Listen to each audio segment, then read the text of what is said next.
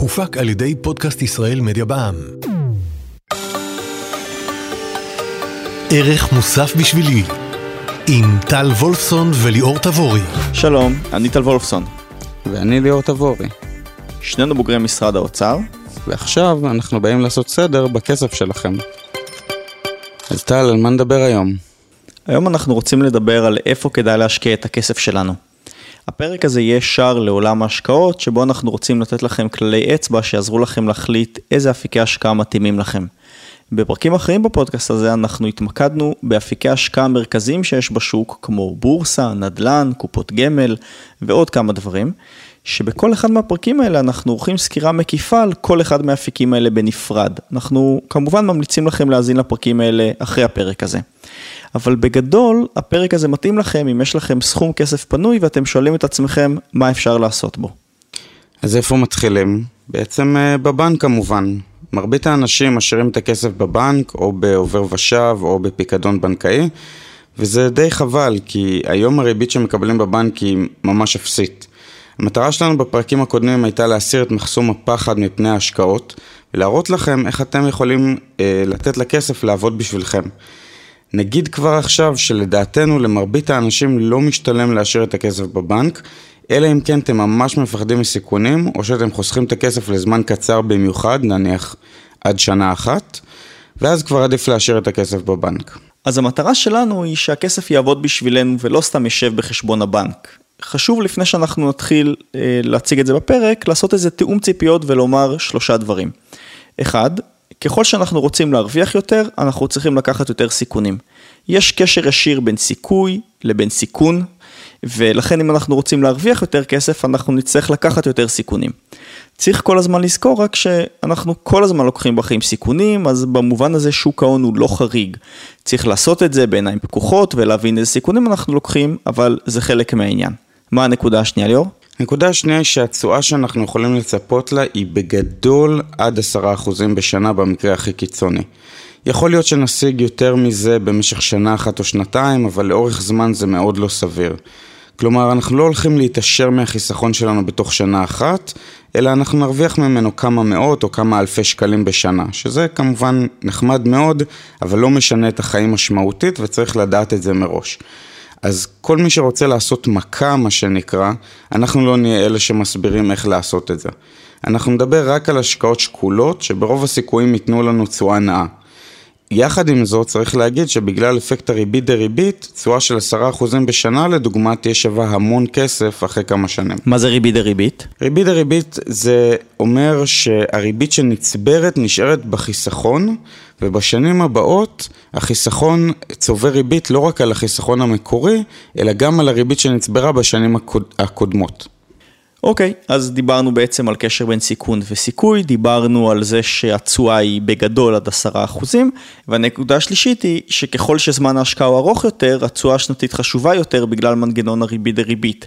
לכן, הגיוני יותר להשקיע מאמץ בהשגת תשואה גבוהה. אבל אני רוצה לצלול ישר לשאלה הכי חשובה. נגיד יש לי סכום כסף מסוים, מה אני צריך לעשות בו? אז קודם כל, מה שאנחנו רוצים לעשות זה להחזיר הלוואות קיימות. אם יש לי מינוס בבנק, או לקחתי הלוואה אחרת, גם יכול להיות משכנתה, כדאי לנו להשתמש בכסף הזה כדי להחזיר את ההלוואות אה, הקיימות. צריך לזכור שמינוס בבנק הוא גם הלוואה, כן? אבל למה זה קורה בעצם? כי ככה עובד שוק ההון. שוק ההון הוא שוק שבו אנשים שיש להם חיסכון מעבירים כסף למי שצריך אותו. ובדרך יש מתווכים פיננסיים שגובים עמלה. אז אם לוויתם כסף, אתם בוודאות תשלמו עליו יותר ממה שיקבל מי שהלווה לכם את הכסף. לכן לא הגיוני גם לחסוך וגם לקחת הלוואות. כי על הלוואות בהכרח נשלם יותר ממה שנקבל על החיסכון שלנו. אוקיי, okay, אז הבנו שאם יש לנו מינוס או יש לנו הלוואה, אנחנו קודם כל נשלם אה, אותה. אבל נגיד ואין לנו הלוואות ויש לנו כסף פנוי, מה אנחנו יכולים לעשות עם זה? אז פה אנחנו רוצים לה, להציג שלוש שאלות מרכזיות שכל אחד צריך לשאול את עצמו. שאלה ראשונה, האם אנחנו רוצים להשקיע בעצמנו, או לתת למישהו אחר להשקיע בשבילנו? שאלה שנייה, מה רמת הסיכון שאנחנו מוכנים ויכולים לקחת? והשאלה השלישית, זה האם יש לנו אפיקי השקעה שנותנים לנו הטבות במס. בואו נתחיל עם השאלה הראשונה. ליאור, בבקשה. ההחלטה הראשונה שאנחנו צריכים לקבל היא כמה אנחנו מוכנים להתעסק בחיסכון שלנו. לכן צריך להבדיל בין שתי אופציות. אופציה ראשונה היא שאנחנו מנהלים את הכסף של עצמנו. אופציה שנייה היא שניתן למישהו אחר לנהל לנו את הכסף. זה כמובן יעלה לנו כסף, אבל יחסוך התעסקות וכאבי ראש. אם אנחנו רוצים לתת לאנשי מקצוע לנהל לנו את הכסף, אנחנו יכולים לשים את הכסף בפיקדון בנקאי, בקופת גמל, בחיסכון לכל ילד או בקרן השתלמות. אם אנחנו רוצים לנהל את ההשקעה בעצמנו, אפשר לעשות את זה על ידי השקעה בבורסה, בין במניות, בין באג"ח ובין בתעודות סל, על ידי רכישת דירה או דרך אתרי P2P. כמו שטל אמר בתחילת הפרק, לכל אחד מהאפיקים האלה אנחנו נתייחס באופן ספציפי בפרק אחר של הפודקאסט. אני רוצה לעשות כאן עוד הפרדה, הרי אם אנחנו מנהלים את ההשקעות בעצמנו, גם פה יש לנו שתי אסטרטגיות השקעה, שאנחנו קוראים להן אקטיבית ופסיבית. השקעה אקטיבית זה השקעה שדורשת מאיתנו הרבה מאוד זמן של התעסקות, והשקעה פסיבית זה כזאת שדורשת מאיתנו הרבה פחות זמן של התעסקות אחרי שביצענו אותה. בואו ניתן דוגמה, תראו. כשאנחנו קונים דירה להשקעה למשל, אנחנו יכולים להשכיר אותה לטווח ארוך, מה שנקרא, זה פסיבי יחסית, כי אחרי שחתמנו חוזה אחת לשנה, בדרך כלל אין לנו התעסקות עם זה, או שאפשר להשכיר את אותה דירה לטווחים קצרים ב-Airbnb, שזה מאוד אקטיבי, נכון? כל הזמן צריך להיות בקשר עם סוחרים ולטפל בבעיות שלהם ולהיות איתם בקשר. ואנחנו צריכים לזכור שכמעט בכל השקעה אפשר לעשות אותה יותר פסיבית או יותר אקטיבית. וזה גם תלוי בנו. בבורסה למשל אני יכול לרכוש תיק מניות בלי לשנות את ההרכב שלו לכמה שנים, מה שנקרא השקעה פסיבית, ומנגד אני יכול לקנות ולמכור ניירות ערך באופן יומיומי, מה שזה אומר השקעה אקטיבית. על כל הדברים האלה אנחנו מדברים בפרקים אחרים. מה שאנחנו רוצים לומר זה שבעצם אנחנו יכולים להשקיע את החיסכון בעצמנו, או לתת למישהו אחר שישקיע את זה בשבילנו, ואם אנחנו משקיעים את זה בעצמנו, אנחנו יכולים לעשות את זה בצורה פסיבית או אקטיבית. כל זה מוביל אותנו בעצם לשאלה הכי גדולה, אז מה בעצם עדיף? תראה, זה כמובן תלוי בהרבה שיקולים שנדבר עליהם גם בהמשך הפרק וגם בפרקים האחרים, אבל בגדול אנחנו חושבים שעדיף לרוב האנשים להשקיע עצמאית בצורה פסיבית. כלומר, לטפל בעצמם ולא דרך אנשי מקצוע בכסף שלהם, אבל לעשות את זה בצורה פסיבית ולא בהתעסקות יומיומית. זה דורש זמן למידה קצר, אבל חוסך הרבה מאוד מניהול בטווח הארוך. למי שזה עדיין נשמע קצת צינית, לא לדאוג, אנחנו בהמשך הפרק ניתן כל מיני דוגמאות. אוקיי, אז שאלנו את עצמנו שאלה ראשונה, והיא בעצם האם אנחנו רוצים אה, להשקיע בעצמנו, או לתת למישהו אחר להשקיע בשבילנו, ואמרנו שאנחנו רוצים להשקיע את זה בעצמנו. שאלה שנייה שצריך לשאול את עצמנו זה כמה סיכון אנחנו רוצים לקחת. בכל אחד ממסלולי ההשקעה שאנחנו משקיעים, אנחנו יכולים לבחור רמות סיכון. לא משנה אם אנחנו מנהלים את הכסף או מישהו אחר מנהל לנו. ואז עולה עוד שאלה בעצם, איך אני יודע כמה אני יכול לסכן את הכסף שלי? אז כמובן, יש כאן הרבה היבטי אישיות, חלק מהאנשים יותר אוהבים לקחת סיכון, חלק פחות אוהבים, זה גם קשור ברקע הפיננסי של כל אחד, יש למשל הרבה מחקרים שמראים שאנשים שהם עמידים יותר, הם יותר נוטים לקחת סיכון, כי בעצם הם יכולים לספוג את ההפסד. אבל יש איזה כלל מרכזי שאנחנו רוצים להדגיש אותו, והוא משך הזמן. ככל שאנחנו יכולים להיפרד מהכסף לזמן ארוך יותר, ככה נפתחות בפנינו אפשרויות השקעה רבות יותר. למה? כי ככל שזמן ההשקעה ארוך יותר, אנחנו יכולים לקחת יותר סיכונים. אני אתן לך דוגמה. אם אנחנו משקיעים באפיק מסוכן כמו מניות בבורסה, אנחנו יודעים שבשנה אחת אנחנו יכולים להפסיד. אבל, כמו שאנחנו מסבירים היטב בפרק אה, על הבורסה, לאורך זמן יש סיכוי טוב שהתיק ייתן לנו תשואה גבוהה. כמו שאמרתי, אנחנו מסבירים את זה לעומק, אה, ואתם מוזמנים לשמוע את הפרקים על הבורסה על מנת אה, להבין יותר טוב את הנקודה הזאת. אז בואו ניתן כללי אצבע שיעזרו לנו לדעת כמה סיכון אנחנו יכולים לקחת, כמובן כתלות במשך החיסכון הצפוי. אז לטובת העניין אנחנו רוצים להפריד את ההשקעות לטווח קצר, שזה למשל עד שנה, לטווח בינוני שזה עד חמש שנים, ולטווח ארוך שזה יותר מחמש שנים. אם אנחנו יכולים להשקיע רק לטווח קצר, לטווח של עד שנה, במקרה כזה אנחנו לא צריכים להתעסק עם סיכונים, ולכן אנחנו נעדיף פיקדון בנקאי או קופת גמל להשקעה בסיכון נמוך, שתיתן לנו תשואה בערך של אחוז אחד בשנה. בקופת גמל זה אפילו יכול להגיע עד שלושה אחוזים. אם יש לנו כסף פנוי שאנחנו יכולים להשקיע אותו לטווח זמן של עד חמש שנים, כאן כבר אנחנו ממליצים להשקיע יותר זמן ולבחון אפיקי השקעה אה, אחרים כמו הבורסה או אתרי P2P. בהשקעות כאלה אנחנו יכולים להשיג בממוצע 3 עד 7 אחוזים בשנה. ואם אנחנו יכולים לחסוך לטווח ארוך של יותר מחמש שנים, כאן אפשר לשקול גם השקעה בדיור, או להגדיל את ההשקעה שלנו במניות דרך הבורסה. השקעות כאלה יכולות אפילו להגיע או לתת לנו לתשואה של עד עשרה אחוזים בשנה. תזכרו שבהשקעות ארוכות עדיין צריך פעם בכמה שנים לבדוק מה קורה איתן. כי אם היום אני משקיע לעשר שנים, בעוד חמש שנים יישארו לי רק עוד חמש שנות השקעה. ולכן כל שנה-שנתיים צריך לבדוק את התיק השקעות שלנו ולעשות בו התאמות uh, ככל שנדרשות. אני רוצה לעבור לשאלה האחרונה שאנחנו צריכים לשאול את עצמנו, וזו השאלה האם יש לנו אפיקי השקעה עם הטבות מס. תראה טל, ככל שההשקעה שלנו מניבה לנו רווחים, אנחנו נדרשים לשלם מס רווחי הון שעומד כיום על 25%. עכשיו, לכלל הזה יש כמה יוצאים מן הכלל. נניח, רווחים מהשכרת דירה פטורים כיום עד שכר דירה חודשי של 5,000 שקל. ואם עברנו את הרף הזה, אנחנו נשלם 10% מההכנסות שלנו, אבל מהשקל הראשון, לא מהשקל ה-5,000. כמו כן, יש כמה אפיקי השקעה שמשיגים לנו פטור ממס רווחי הון. קרן השתלמות לדוגמה היא האפיק האולטימטיבי בהקשר הזה, ואנחנו נדבר עליו בפרק אחר.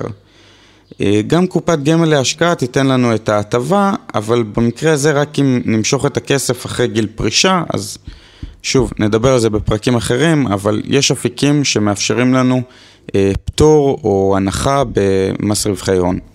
אני רוצה שניתן כמה דוגמאות לשאלות שאנשים מתמודדים איתן, ונראה איך שלוש השאלות שדיברנו עליהן יכולות לעזור לקבל את ההחלטה. דוגמה ראשונה, בחורה בת 28, שוכרת דירה עם שותפה וחוסכת 2,000 שקלים בחודש. מה היא יכולה לעשות עם הכסף?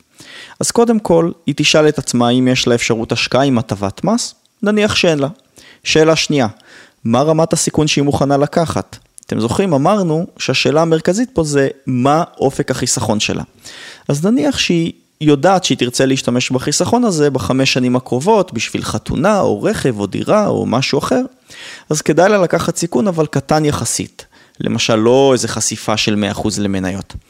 והשאלה השלישית, היא צריכה לחשוב האם היא מעוניינת להשקיע את זה בעצמה או לתת לגוף אחר לעשות את זה בשבילה, אז היא למשל מעוניינת לתת לגוף אחר, ולכן היא משקיעה בקופת גמל ומבקשת לשים את הכסף במסלול סולידי שמורכב בעיקר מאגרות חוב. אני אתן לך דוגמה אחרת. אה, אישה בת 40, נשואה עם ילדים, שגרה בדירה בבעלותה ובעלת עסק קטן. שני בני הזוג חוסכים כ-3,000 שקל אה, בחודש, ושואלים את עצמם מה לעשות עם הכסף הפנוי הזה שיש להם בסוף כל חודש. אז שוב, נשאל את שלושת השאלות. שאלה ראשונה, האם יש להם אפשרות להשקיע עם הטבות מס? אז uh, התשובה היא כן, בתור עצמאית האישה יכולה לפתוח קרן השתלמות. שאלה שנייה זה מה רמת הסיכון שהיא מוכנה לקחת, ואנחנו נניח לשם הדוגמה הזאת שהיא ובעלה לא מתכננים להשתמש בחיסכון בחמש עד עשר השנים הקרובות, אז הם יכולים להשקיע ברמת סיכון uh, גבוהה יחסית. והשאלה השלישית זה האם היא מעוניינת להשקיע בעצמה או לתת לגוף אחר לעשות את זה. ובמקרה הזה היא מעוניינת לעשות את זה בעצמה, לכן היא יכולה לפתוח תיק השקעות אה, דרך הבנק או דרך אה, בית השקעות ולרכוש תעודות סל של אה, מניות, נניח כמו תל אביב 120 או S&P 500 ושוב, אם זה סינית בשבילכם, אנחנו מסבירים את זה הרבה יותר לעומק בפרק על הבורסה. דוגמה שלישית ואחרונה, בן אדם בן 50 קיבל ירושה גדולה של מיליון שקלים. מה הוא יכול לעשות? שאלה ראשונה, האם יש לו אפשרות להשקיע באפיק עם הטבת מס? נחשוב רגע על מה דיברנו מקודם. כן, אפשר לרכוש דירה ולהשכיר אותה. ואם שכר הדירה נמוך מ-5,000 שקלים, זה פטור ממס. שאלה שנייה שהוא צריך לשאול את עצמו, מה רמת הסיכון שהוא רוצה לקחת? עכשיו תראו, נניח שהוא לא בטוח מה יהיה בשוק הנדל"ן, והוא לא רוצה להשקיע את כל הכסף במקום אחד. הוא יכול למשל לרכוש דירה ב-700,000 שקלים, ואת 300,000 השקלים הנותרים להשקיע בשוק ההון באפיק ברמת סיכון נמוכה. שאלה שלישית, מי הוא רוצה שיעשה את זה? הוא בוחר בצורה עצמאית. זאת אומרת, גם את הדירה וגם את ההשקעה בשוק ההון, הוא מבצע ישירות בעצמו.